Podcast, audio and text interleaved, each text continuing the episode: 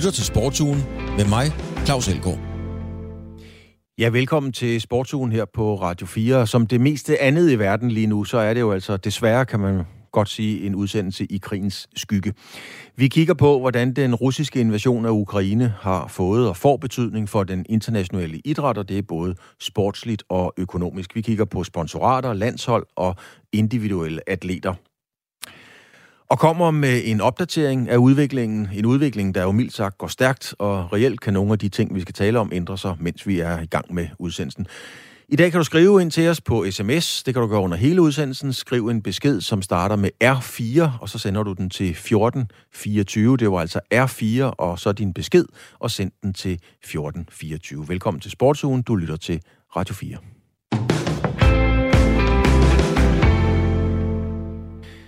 Som situationen i Ukraine udvikler sig, så bliver flere og flere russiske atleter udelukket fra international sport. Helt ufrivilligt bliver russiske atleter simpelthen boykottet og straffet på grund af Vladimir Putins invasion af Ukraine. Stanis Elsborg, du er senioranalytiker hos organisationen Play the Game, der arbejder for at fremme ytringsfrihed og gennemsigtighed blandt andet i sportens verden. Stanis Elsborg, øh, er det fair, er det rimeligt at tage russiske sportsfolk som gisler i denne her øh, kedelige situation?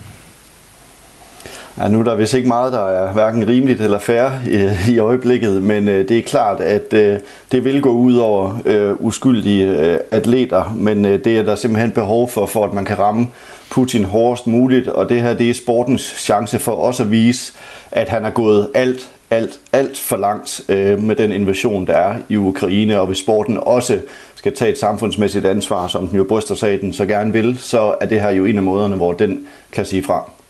Tag et samfundsmæssigt ansvar, som du siger, som sporten jo gerne vil. Er det her, det lyder kynisk, men er det her i virkeligheden en kærkommen chance for sporten for at komme ud og tage det ansvar, som man jo i andre sammenhæng måske har efterlyst? Ja, det kan man sige, men den sker jo på den mest tragiske baggrund, så, så på den side, så bliver det jo et kynisk svar, men øh, man kan sige, at det er jo selv samme sport, som har bidraget med en helt ekstraordinær platform for Putin til at udøve sin politik igennem de sidste 20-25 år.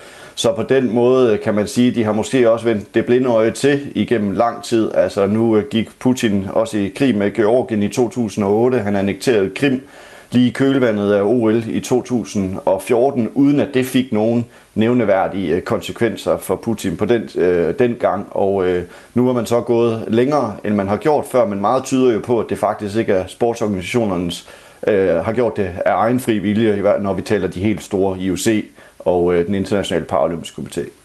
Dennis Elsborg, du har jo fulgt øh, sporten øh, i, i de her situationer. Det har jo ikke været så dramatisk som det her, men du har fulgt sporten i, i mange, mange år. Er du overrasket over, skal vi sige, den opbakning, sammenhold, der er i netop den her situation?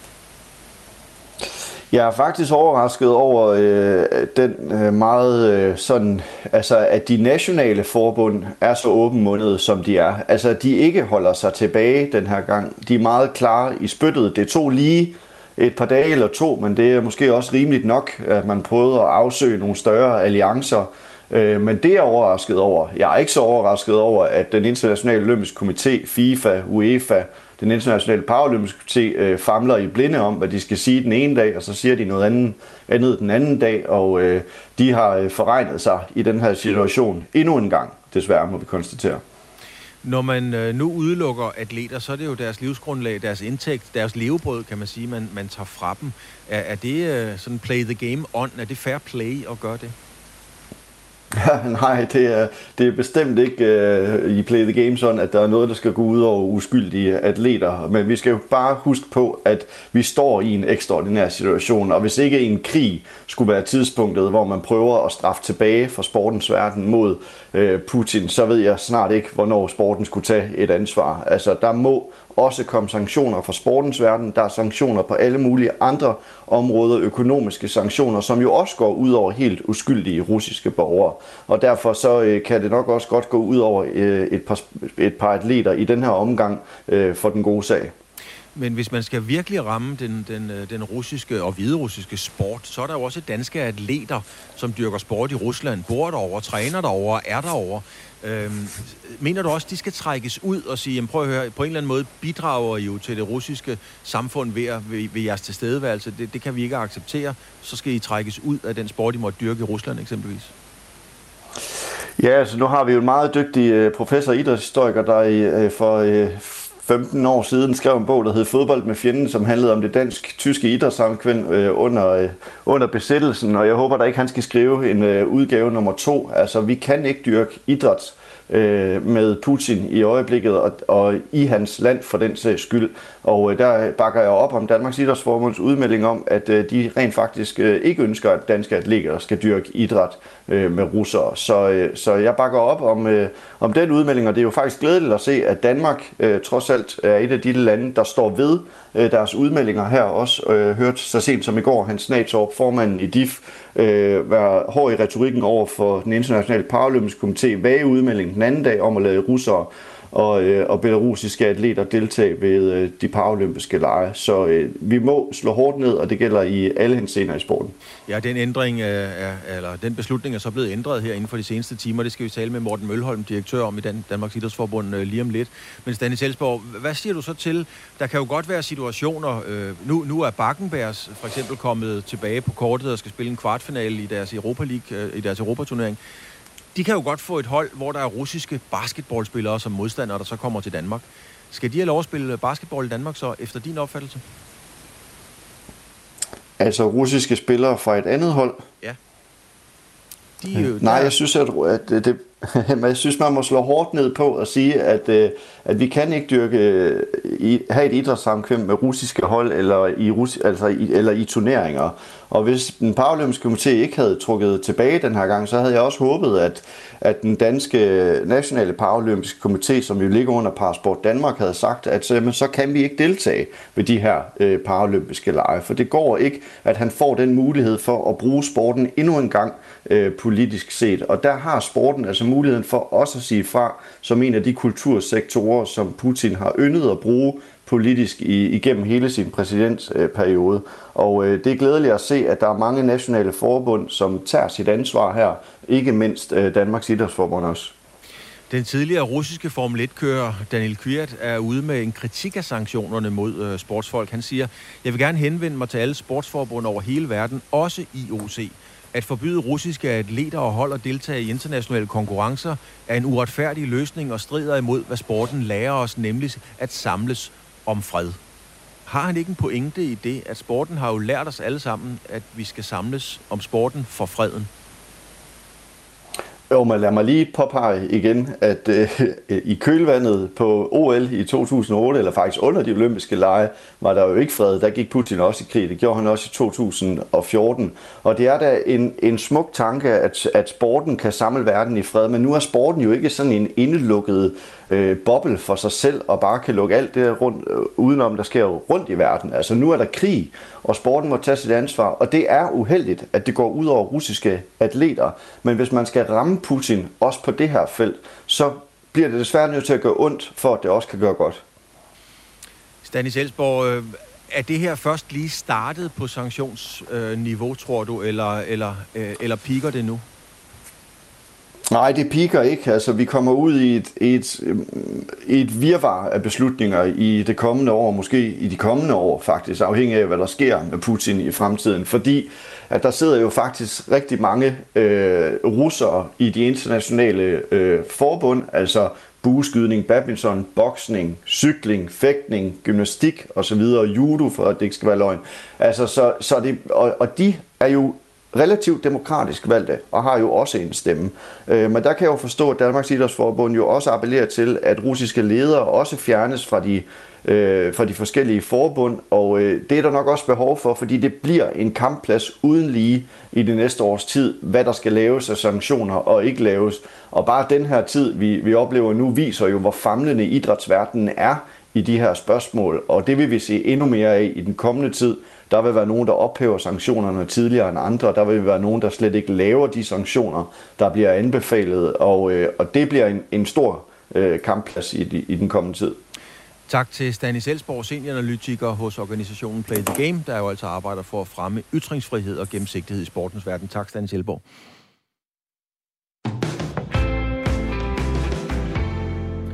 Og som jeg startede med at sige her i udsendelsen, så er der ting, der ændrer sig undervejs, og vi har lige fået, eller jeg har lige fået et telegram ind ad døren her, som jeg lige skal se, om jeg kan komme igennem. Du lytter til Sportsugen på Radio 4, jeg kan sige, at lige nu så står vi, mens vi står her og sender, så har den øh, russiske håndboldklub CSK Moskva ophævet kontrakten med den danske landsholdsspiller Katrine Heindal.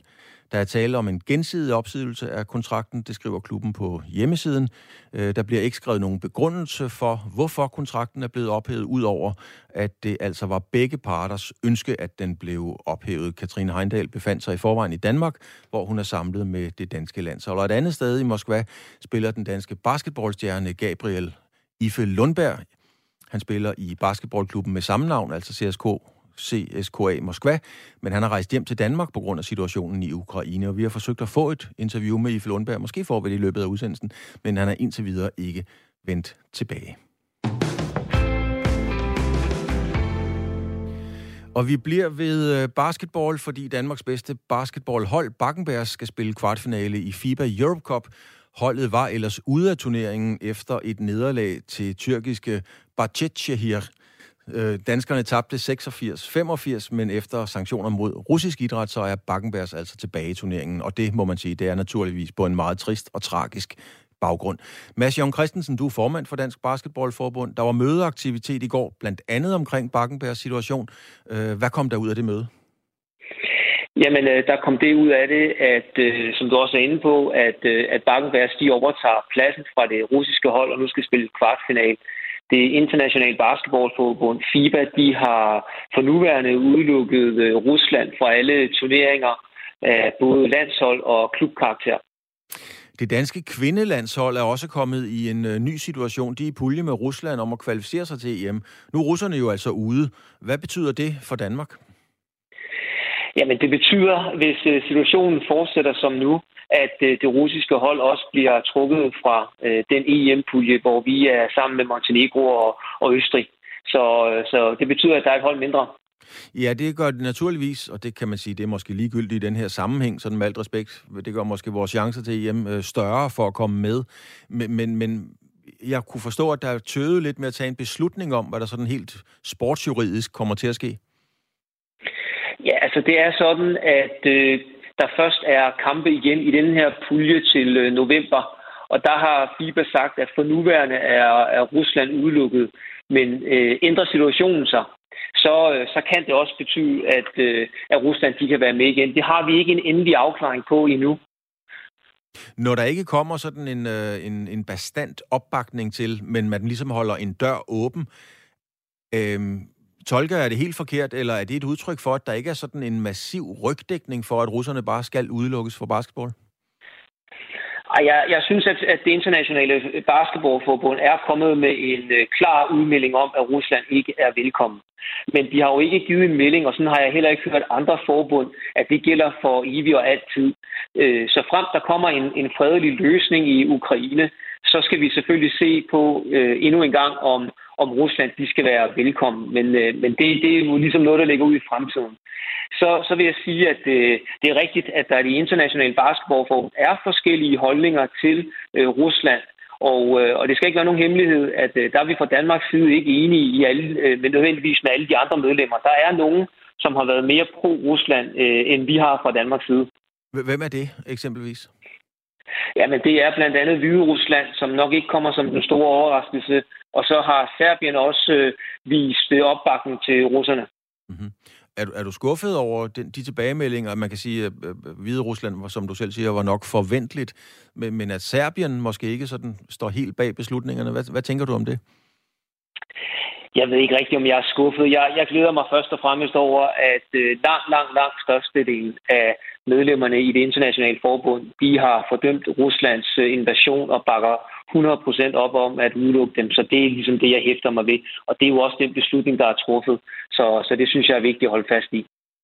Altså, der er jo mange gode russiske basketballspillere rundt omkring i Europa.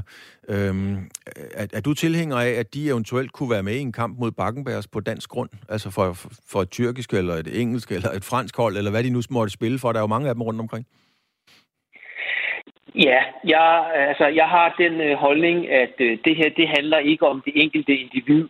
Og øh, det er klart, at øh, der er ikke plads til, at øh, russiske øh, atleter eller på anden måde øh, aktive, de kommer med politiske ytringer og opbakning til, til, til Putin og, og invasionen.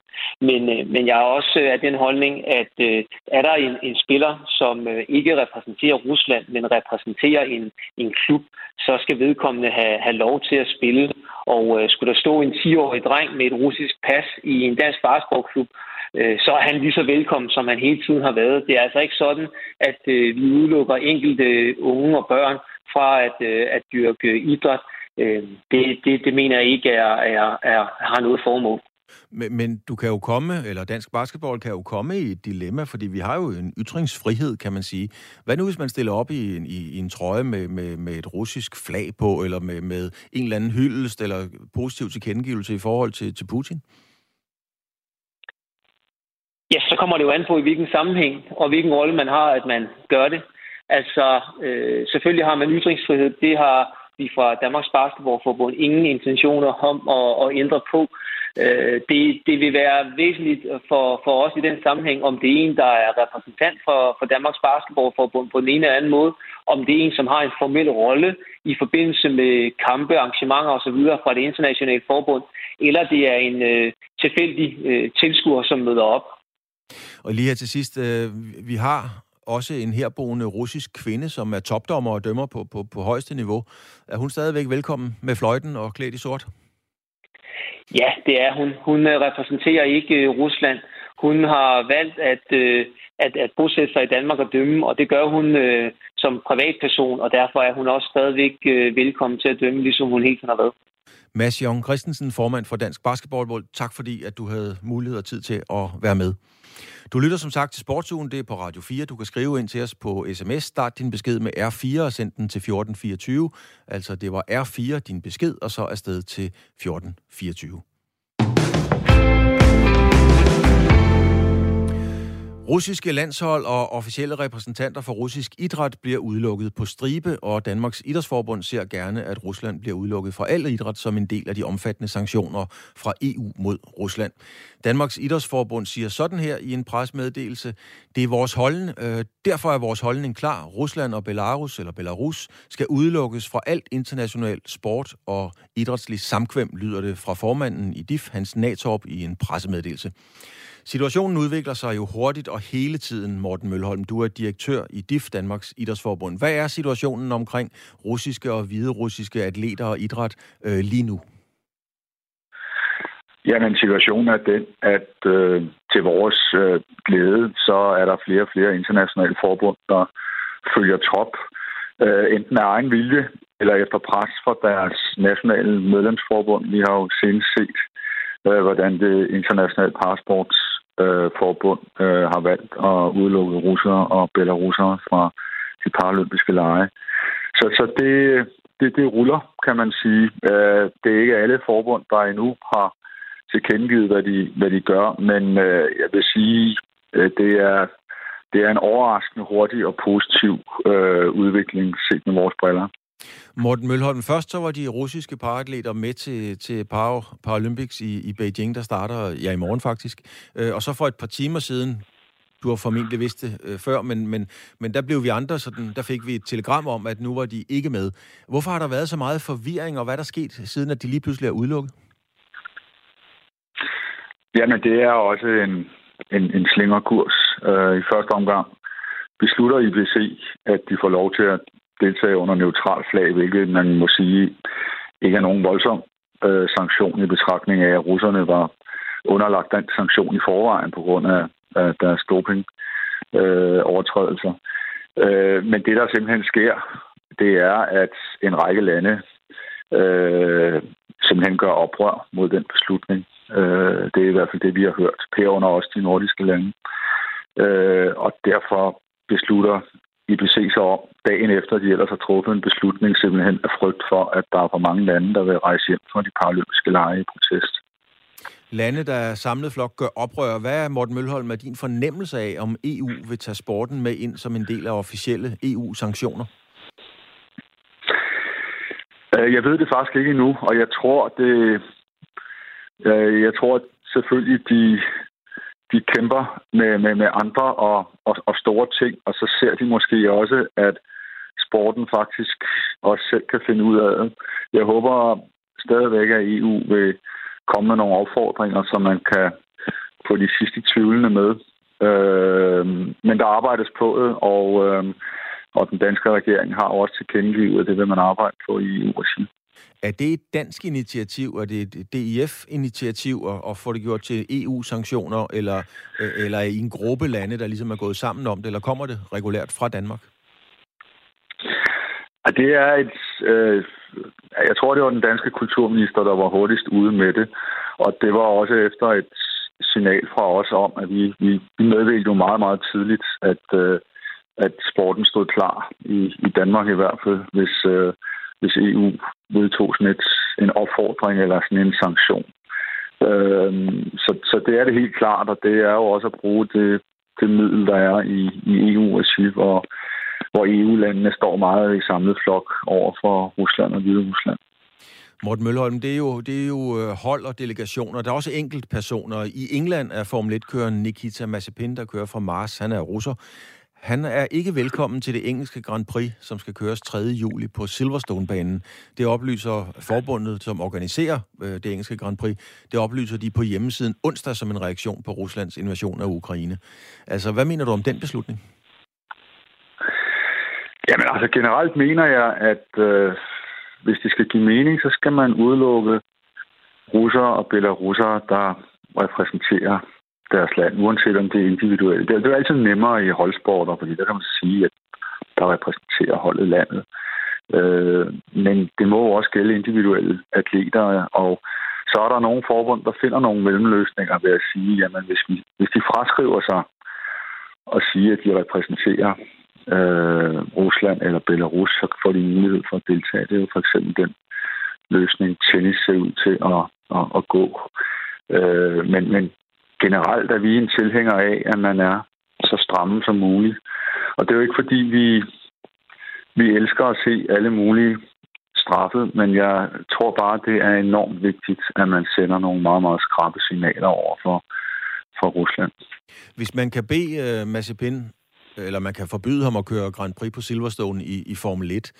Øh, kan vi så også, eller, eller vil vi så også forbyde russere at stille op i badminton til Danish Open, for eksempel?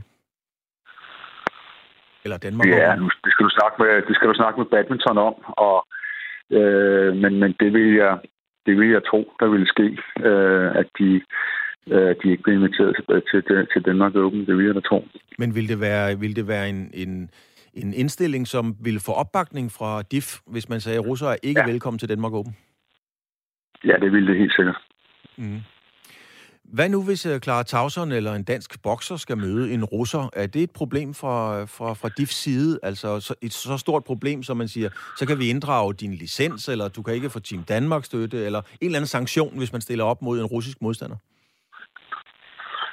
Nej, altså det, det, det vi bliver nødt til at følge, det er, og det vi kan, det er, at vi kan påvirke de internationale forbund øh, i forhold til, hvad, hvad det er for nogle sanktioner, de vedtager. Det, det foregår i øjeblikket. En række af vores specialforbund er super aktive og super stolt over, at de forsøger at påvirke deres internationale forbund i en retning, som, som følger DIFs generelle linje.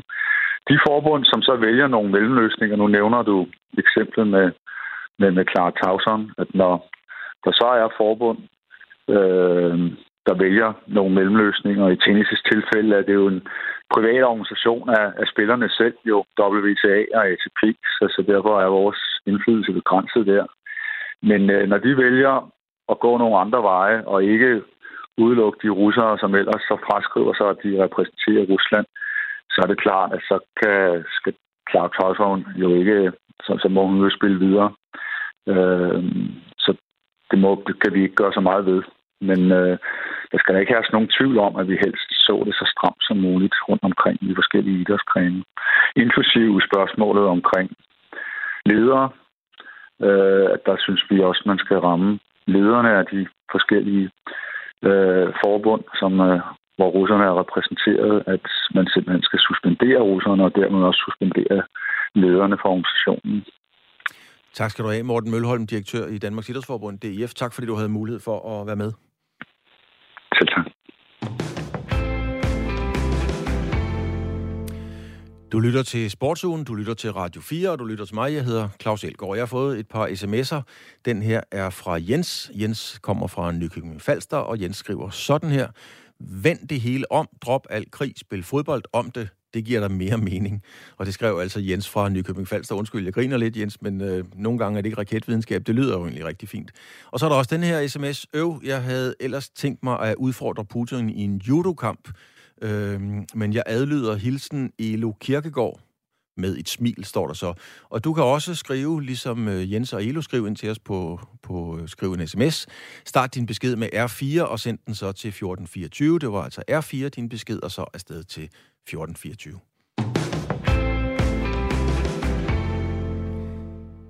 Det er svært, heldigvis, at forestille sig, at borgmesteren i København gør sig klar til at gå i krig. Ikke desto mindre er det virkeligheden i Ukraine lige præcis i de her dage. Hovedstaden Kiev har en borgmester, der hedder Vitali Klitschko. Han er tidligere verdensmester og står sammen med brormand, som også er tidligere bokser Vladimir Klitschko.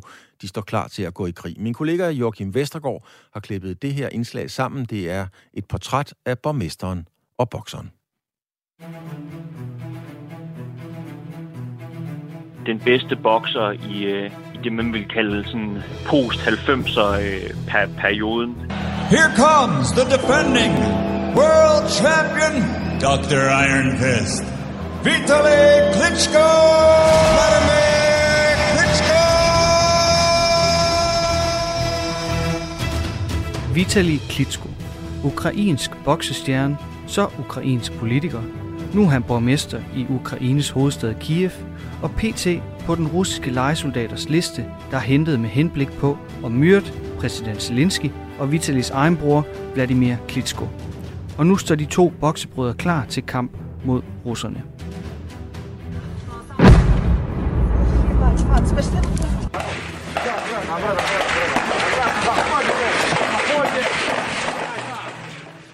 Men før vi dykker ned i krigen og borgmesterposten for Vitali, så skal vi lige høre fra Simon Kivits. Han er idehistoriker og vært på boksepodcasten Skyggeboksning. Han kan fortælle lidt om bokseren og borgmesteren Vitali Klitschko.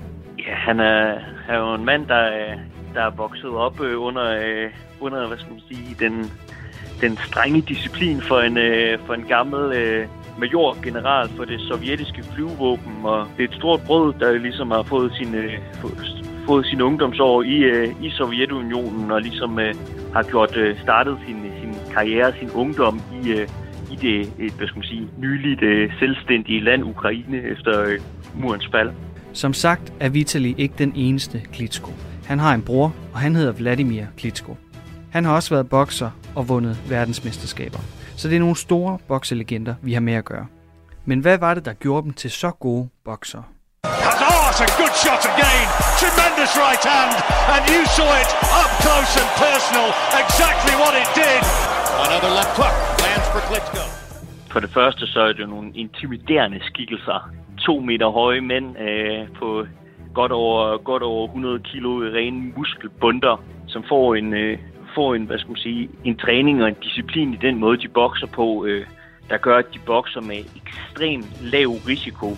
Alle deres øh, benhårde stød er, er lange stød, så går de ind og holder dem og krammer dem. Den her øh, fuldstændig maskinelle stil, deres, øh, deres modstandere igennem øh, ja, basically, basically et årti, øh, fra de ligesom har fået, fået finpudset den her stilart.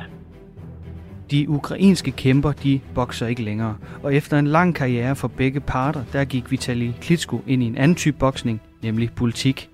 Så alle hjerneceller, de var altså ikke banket ud af ham endnu.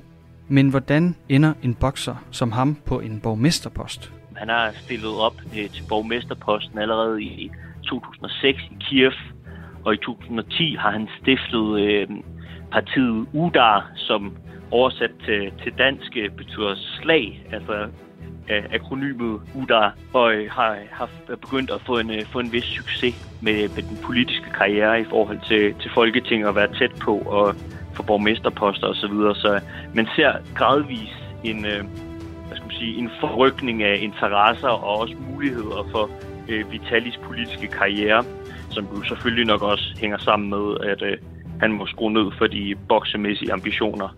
Simon han fortæller mig, at det ikke er atypisk for bokser at have en politisk agenda.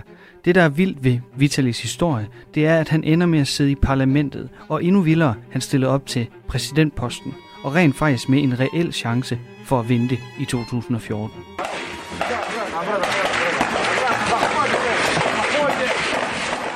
Nu er brødrene sammen med resten af Ukraine i krig, og i sidste uge der kom de med den her opfordring. I'm calling to all international partners jeg kalder alle internationale partnere. Kig på den tragedie, der sker lige nu i Ukraine, og den her meningsløse krig, som hverken får vindere eller tabere. Vi bør forene os. En af præsident Putins nærmeste allierede er en privat militærgruppe, der hedder The Wagner Group. De har bestilt en gruppe snigmorder derfra, og de har til henblik at myrde præsident Zelensky. Og han er ikke den eneste på listen. De to brødre, Vitali og Vladimir, de står også på listen. Men Ukraine som land, det betyder alt for Klitsko-brødrene, og faktisk så er de ikke de eneste ukrainske boksere, der er med lige nu i det militære forsvar af Ukraine. De nuværende ukrainske boksere Vasyl Lomachenko og Oleksandr Usyk, de er med i den militære modstand af Ukraine. Men hvad betyder det for den ukrainske befolkningsmorale, at kæmpe bokselegender fra hjemlandet nu står side om side i krigen mod russerne? Hvad kan boksere bidrage med i den forstand?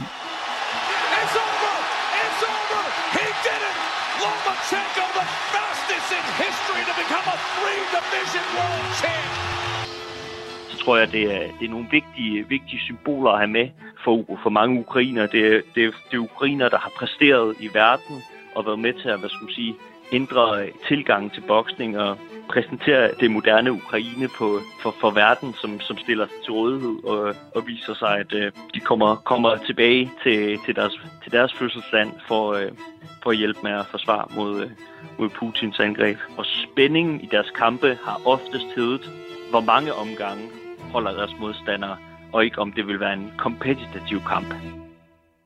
Og vi har her i indslaget brugt lyd fra Bleacher Report, Boxing Channel, HBO Boxing, The Telegraph og Sky News.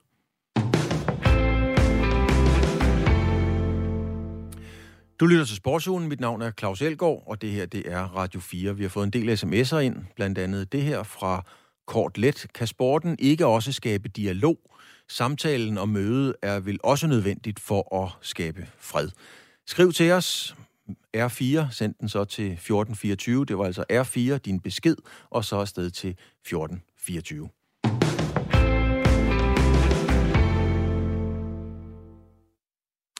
Den tyske fodboldklub Schalke 04 har sagt farvel til deres trøjesponsor Gazprom, der er et russisk gasselskab. Samtidig har Schalke 04 også sagt farvel til en alvorlig stor pose penge. Ifølge nyhedsbyrået AFP er det en lukrativ aftale, der bliver sagt farvel til. Schalke modtager ifølge AFP årligt 9 millioner euro eller 67 millioner kroner fra Gazprom, og Schalke 04 er i forvejen øh, i alvorlige økonomiske problemer. Kenneth Kortsen, du er sportsøkonom og ved også en masse om branding ved Professionshøjskolen UCN. Kenneth Kortsen, alt hvad der er russisk, øh, er det ganske enkelt no-go i og omkring international idræt, som det ser ud lige i øjeblikket? Ja, det er det, det er det lige nu, og, og så kan man sige, den her, øh, den her situation med Schalke, der siger nej til det kommercielle samarbejde med Gazprom, det er jo det, det ultimative negative markat, øh, man som virksomhed eller brand øh, ligesom kan opnå, når de andre ikke vil lege med en. Øh, og der skal vi huske på, at, at brands lever af positive associationer, og det faktum, at selv fodboldorganisationer, som du nævner her, Claus, for eksempel en klub som Schalke, der godt kan bruge pengene, siger nej, tak og, og, og cutter forbindelsen, det efterlader et meget negativt aftryk på den opfattede kvalitet, som kan, knyttes til Gazprom ud fra et, et brandingmæssigt synspunkt. Hvis du ser på, på, på Schalkes reaktion, fordi de er hårdt presset økonomisk, øh, den tidligere storklub, øhm, øh, når de så siger farvel til Gazprom, er det så en dyd af en nødvendighed, eller er det af patriotiske årsager, havde han sagt? Jamen, jeg tænker, det er både og, fordi øh, lige nu lever vi med en kæmpe krise på europæisk øh, grund, hvor øh, individuelle klubber, som for eksempel Schalke, men også andre sportsorganisationer, på det lange sigt er bedst tjent med at stå sammen og, og udvise en nul-tolerance over for, for den her øh, problematik seriøse adfærd, som vi har set være knyttet til, til Rusland, og det var jo noget, der, der for mig at se også startede for, for år tilbage. Altså vi kan nævne eksempler som vinter-UL i, i Sochi, hvor der var øh, problematiske udsagn i forhold til, til kursen mod for eksempel homoseksuelle. Altså det her, det er, det, det er jo ikke bare et, et problem, der er opstået her nu på grund af øh, krisen i Ukraine, altså Ruslands ageren i forhold til at bruge sporten som sportswashing-platform har, har længe været et, et problem, hvor jeg synes, man alt, i alt for lang tid har set stiltigende til, og dermed spillet med på, på Putin, Putins sang, øh, når han ligesom bruger sporten som geopolitisk og soft power platform. Kenneth Kortsen, altså penge fra Rusland, de er ikke velsete. Det er heller ikke rigtig øh, smart at tage penge eller lave arrangementer med Katar. Øh, Saudi-Arabien er i den grad også kommet i søgelyset. Altså, hvor skal pengene efterhånden komme fra til den her meget, meget, meget, meget dyre top øh, verdensidræt, hvis ikke man kan få penge eller bruge penge brandmæssigt fra de steder? Jamen altså, vi, vi har jo et, et governance-problem i sporten, som jeg ser øh, lige nu, og i forhold til, hvordan øh, sportsledelsen har, har udfoldet sig over tid i sportsøkonomien. Man kan også tage andre eksempler frem, altså FC Barcelonas problemer i kølvandet på, på covid-19 understreger jo, at selvfølgelig er der behov for, for penge, men, men de her høje lønninger har jo også gjort liga og klubber sårbare. Der håber jeg, at, øh, at vi kommer til at se en situation, hvor både covid-19-pandemien, øh, men også den her krise får de ledende instanser, og det starter jo på internationalt niveau med organisationer som IOC, FIFA UEFA, men også andre magtfulde organer i sportsøkonomien, at de vil vurdere øh, sportens governance-modeller øh, på ny, fordi vi må ikke bare øh, give en stiltigende accept af noget, som ikke er optimalt set fra et socialt ansvarligheds- eller bæredygtigheds perspektiv, Der skal vi huske på, at, at sporten også er en, en refleksion af det omkringliggende øh, samfund og professionel sport skal lære til fulde at agere som, som en god samfundsborger i jagten på resultater og titler. Nu er Chelsea jo også det seneste eksempel på en fodboldklub.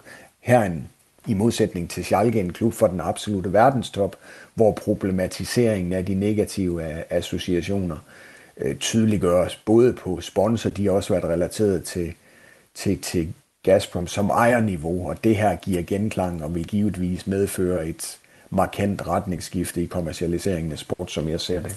Men er det så en helt øh, ny økonomisk sportsverden, som øh, vi, vi er ved at træde ind i? Altså er det her noget, der vil komme til at ændre nogle markante styrkeforhold? Det, det, det kan det gøre, altså. Øhm, nu kan man, nu kan man sige, at der har været, øh, der har været nogle, nogle eksempler, hvor klubber ikke bare øh, siger fra, men altså også et firma som Adidas har kottet et langvarigt partnerskab med det russiske fodboldlandshold.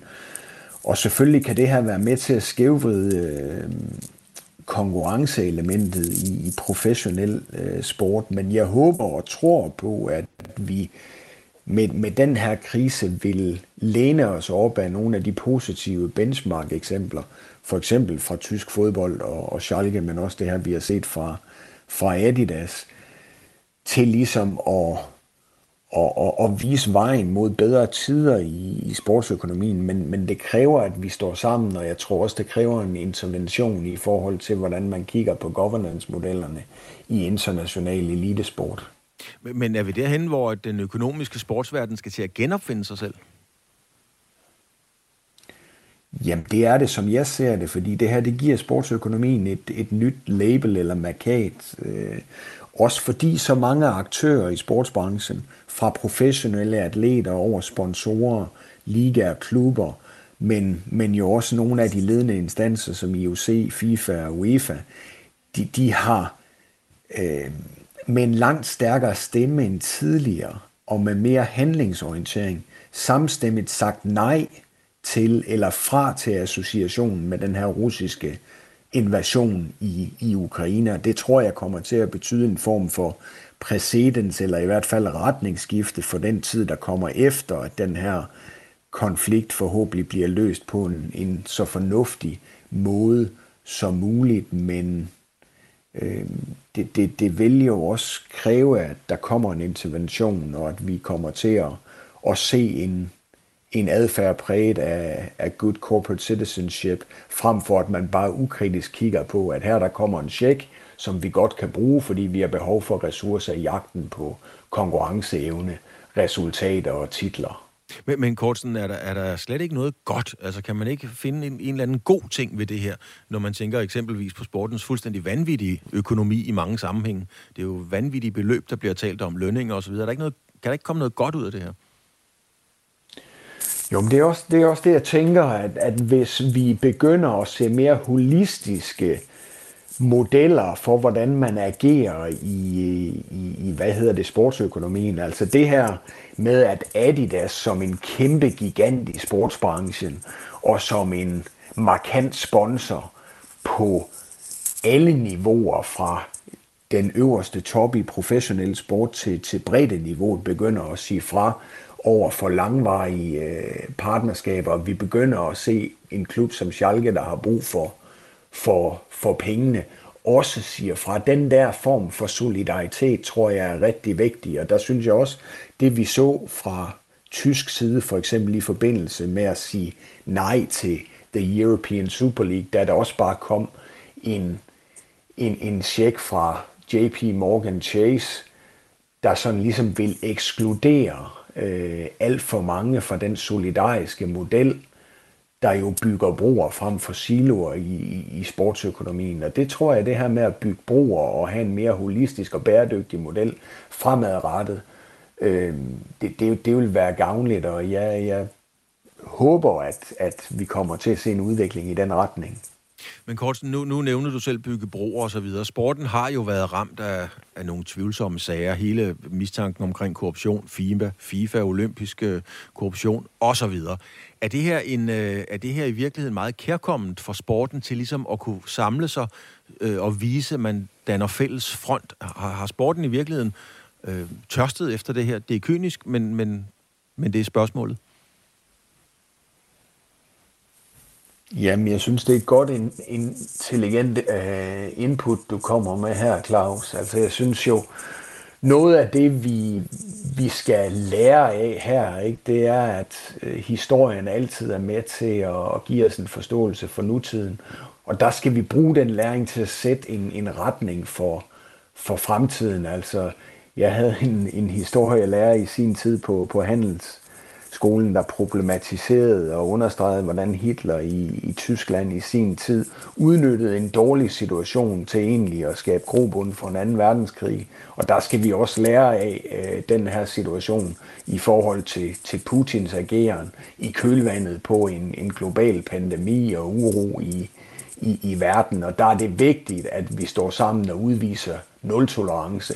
Og det kommer til at klinge mere hult, hvis vi når den her konflikt forhåbentlig er løst, vender tilbage til det her med at være ukritisk i forhold til, hvor de store checks og støttebeløb kommer fra. Der er simpelthen behov for noget andet for at stå på bedre grund i fremtiden. Nu sagde Stanis Elsborg tidligere i programmet, øh, Kenneth Kortsen, at han troede, øh, som han analyserede det og så det, så var det øh, slet ikke i nærheden af at pike nu med sanktioner og, og, og tiltag i det hele taget. Øh, er du enig i den betragtning? Ja, altså tingenes tilstand har jo eskaleret over tid. Ikke? Nu så vi den her, øh, den her nyhed med, med, med Chelsea og, og ejerskabet relateret til Abramovic og, og, og øh, hans forbindelse til Putin. Og det er jo en klub øh, i den absolute verdenstop. De har lige vundet øh, VM for klubhold. De er regerende Champions League-mestre. Øh, som vi kommer til at se, øh, at, at der kommer den her samhørighed i forhold til at udvise en nul-tolerance, der kan være med til at agere som pressionsmiddel til, at den her konflikt øh, bliver løst, øh, så vi ikke kommer til at se yderligere tab og tragedier, øh, som jo desværre allerede har fundet sted på ukrainsk grund. Tak skal du have, Kenneth Korsen, for analysen her. Jeg kan fortælle dig, Kenneth, i, din, i tråd med Selv det, tak. vi, vi har talt om her, så er vi i gang med at få fat i Lykke Friis, der lige, vi har lige lidt tekniske problemer, men det er faktisk det, vi arbejder lige på. Men i hvert fald, Kenneth Korsen, øh, sportsøkonom og ekspert i branding. Tak fordi du havde tid og mulighed for at være med. Selv tak.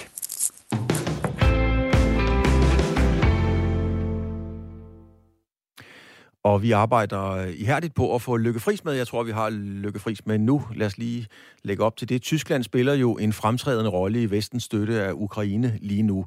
Og det gør de ikke mindst efter en historisk tale af landets kansler Olaf Scholz, der i weekenden lavede en 180-graders vending omkring landets forsvar og sikkerhedspolitik. Og den gjorde, det gjorde så op med det Tyskland, vi har kendt siden 2. verdenskrig. Mens den relativt nyvalgte kansler øh, gjorde netop det, så lurer en af hans forgængere, kan man sige, i kulissen. Og det er begyndt at vække opsigt og debat i Tyskland. Tysklands kansler fra 98 til 2005, Gerhard Schröder, har nemlig længe involveret sig ganske solidt med Ruslands præsident Vladimir Putin. Og det har også visse sportslige perspektiver i sig. Schrøder sidder nemlig i bestyrelsen for både Gazprom, der altså indtil for nylig var storsponsor i klubben Schalke 04, som vi lige har hørt Kenneth Kolstens fortælle om, og også i UEFA. Og selskabet bag gasrørledningen Nord Stream 2, der skulle forsyne Tyskland med endnu mere russisk gas. Det er komplicerede sager. Jeg kan nu sige velkommen til dig, Lykke Friis. Du er direktør i Tænketanken Europa. Øh, du er storkender af Tyskland, og så er du i øvrigt også fodboldfan Lykke Friis. Først og fremmest, hvor tæt er Schrøder med Putin, og er han det stadig? Ja, øh, han er meget tæt øh, med, med Putin, øh, og det er han stadig. Han er faktisk øh, en af de få mennesker, der ikke har distanceret sig fra Putin, efter Putin jo indledte angrebet på Ukraine. Gerhard Schröder er stadigvæk øh, med i flere bestyrelser, øh, som jo er øh, russisk ejet og vel at mærke statsejet virksomheder, og det er sådan, at han nu rykker op i, lad os bare kalde det Champions League, inden for energiselskaber, ved at han i juni måned skal blive medlem af bestyrelsen af, af Gazprom. Så han er, det er nærmest nu Gerhard alene i verden, når man ser på, hvordan alle andre øh, distancerer sig fra blandt andet Putin. Altså som sagt, Gazprom har været meget vælten i sportens verden som øh, UEFA's øh, hovedsponsor, det samme i Schalke 04. Øhm, og nu har både UEFA og Schalke så hævet kontrakten med Gazprom over og vinket farvel til meget store millionbeløb. Og Tyskland virker generelt til at distancere sig meget hurtigt fra, fra Gazprom. Hvordan reagerer Schröder på det? Jamen ved at holde fast og ved at være nærmest være gået under jorden. Øh, man har ikke rigtig hørt noget til ham. Han havde sådan et, et opslag på LinkedIn, øh, lige da tingene eskalerede, men det var sådan noget med, at man skulle se tingene fra begge sider. Altså konflikten Rusland øh, og, og Ukraine. Hans hustru var også ude at sige noget med, at han måske kunne have Schröder male, men det, det, øh, det, hvad hedder det, opslag på sociale medier tog hun hurtigt ned. Så, så nej, han fastholder, øh, og derfor er han jo nu også ekstremt isoleret. Han er jo blevet smidt ud øh, som æresmedlem for Borussia Dortmund. Det gjorde han i sidste uge. Hans medarbejdere, det er sådan, at man som ekskansler har sådan en 7-8 medarbejdere, de forlod ham alle sammen i går. Øh, men ikke desto mindre, øh, så vælger han altså åbenbart at fastholde sit økonomiske engagement med Vladimir Putin. Ja, Lykke Fri, som du siger, at Borussia Dortmund har, har trukket hans æresmedlemskab tilbage. Er det noget, øh, Schröder sover dårligt over om natten, tror du? Det ved jeg ikke. Nu kan man sige, nu er han jo egentlig mere Hannover 96-fan, øh, for nu at blive lidt, lidt nørdet i det her program. Øh, men, men er så også æresmedlem derovre, man har da set ham på tribunen, han har, man har, han har da også et, øh, et sort-gult øh, tørklæde for BFB. Men nej, det er jo ikke noget, der, der økonomisk gør, gør ondt, men der er bare den lille ironiske finesse ved det her, at årsagen til, at Gerhard Schröder, der faktisk var, var den person, der fik fat i Putin til så at forlade det her sponsorat med Schalke 04 og gas Gazprom. Den eneste årsag til, at han ikke kom i bestyrelsen for Schalke 04, øh, det var altså, at han er æresmedlem for Borussia Dortmund, og det kunne man ikke acceptere over på Schalke-siden. Så på den måde, så er det i hvert fald et, øh, et æresmedlemskab, der tidligere har kostet ham noget, ved han så ikke kunne få den bestyrelsespost hos Schalke 04. Hvis man kigger på, på, på Schröder, han sad jo som kansler indtil året før Tyskland skulle være vært for VM-slutrunden øh, for herre. Øh, brugte Schröder egentlig selv fodbolden, skal man sige, til noget i, i sin periode som kansler? Ja, det jo lidt. Han var jo også sådan set en, en øh, mener han i hvert fald selv, en, en relativt habil fodboldspiller. Han, han gik under dæknavnet Akker, fordi han var sådan en, der sådan pløjede afsted på banen.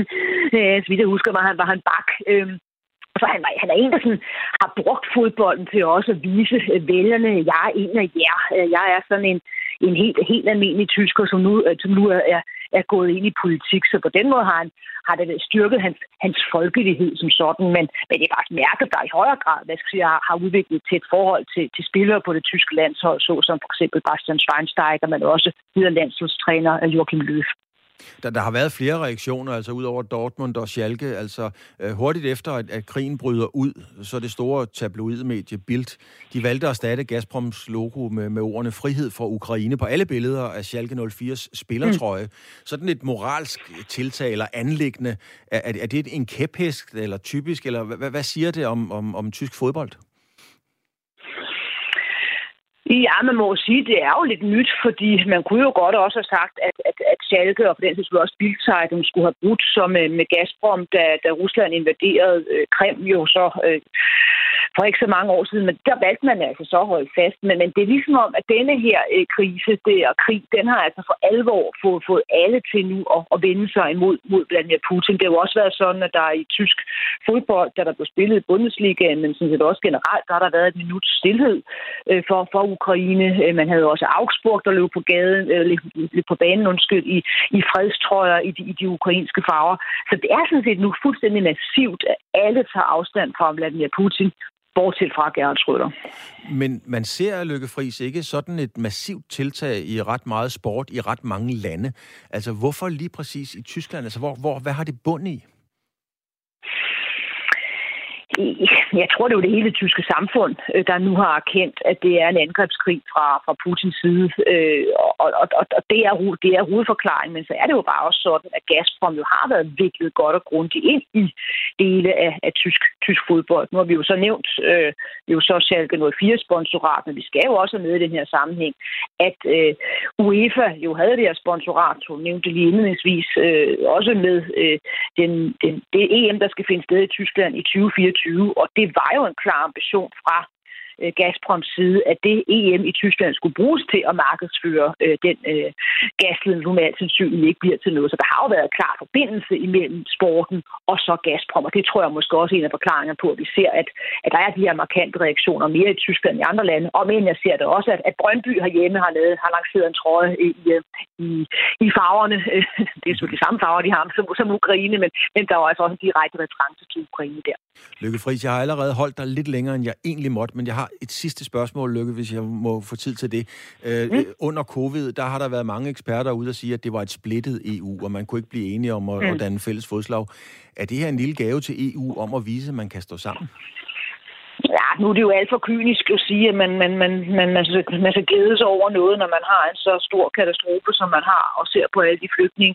Så det, så det får du mig ikke til at sige. Øh, men, men det er klart, at, at øh, der er noget med, at, at EU dengang formår at holde væsentligt mere sammen på tropperne, når at se de andre store konflikter, såsom corona, men jo også bare tage nogle andre krige, såsom Syrien, øh, da der var en stor flygtningestrøm, eller, eller krigen på Balkan. Tak skal du have, Lykke Friis, direktør for Tænketanken Europa. Undskyld, jeg holdt på dig lidt længere. Tak fordi du vil være med. Ja, det er velkommen. Tak skal du have.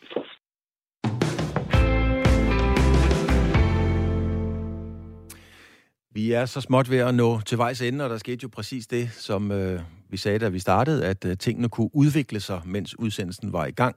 Og det gjorde det sandelig også, fordi der er en dansk håndboldspiller, Heindal, som øh, har fået ophævet sin kontrakt øh, i Rusland, bare som, øh, som en af tingene. Og så har vi også øh, denne her gang, det er ikke altid, vi gør det i sportsugen, øh, efterlyst øh, sms'er. Der er kommet nogle rigtig fine nogle af slagsen. Øh, blandt andet denne her. Hej, hvad med Formel 1? Skal vi have Kevin Magnussen i Haas i stedet for Massepin? Venlig hilsen, Michael Andersen. Interessant spørgsmål, og jeg har skrevet på mit lille stykke papir her, at jeg skal ringe til kende til Kevins far, Jan Magnussen. Øh, ikke fordi jeg nødvendigvis tror, han vil fortælle mig den hele sandhed, men han står i hvert fald på listen som en af dem, vi skal ringe til lige med det samme, fordi det er selvfølgelig et spørgsmål, mange vil stille sig. Og han hensyder selvfølgelig til, at den øh, russiske Formel 1-kører Nikita Mazepin, og det er bestemt et relevant spørgsmål. Han er jo altså blevet øh, udelukket fra at køre, hvad skal man sige, øh, øh, Grand Prix'et på Silverstone, som skal være den 3. juli, og der ønsker man altså ikke Mazepins øh, deltagelse.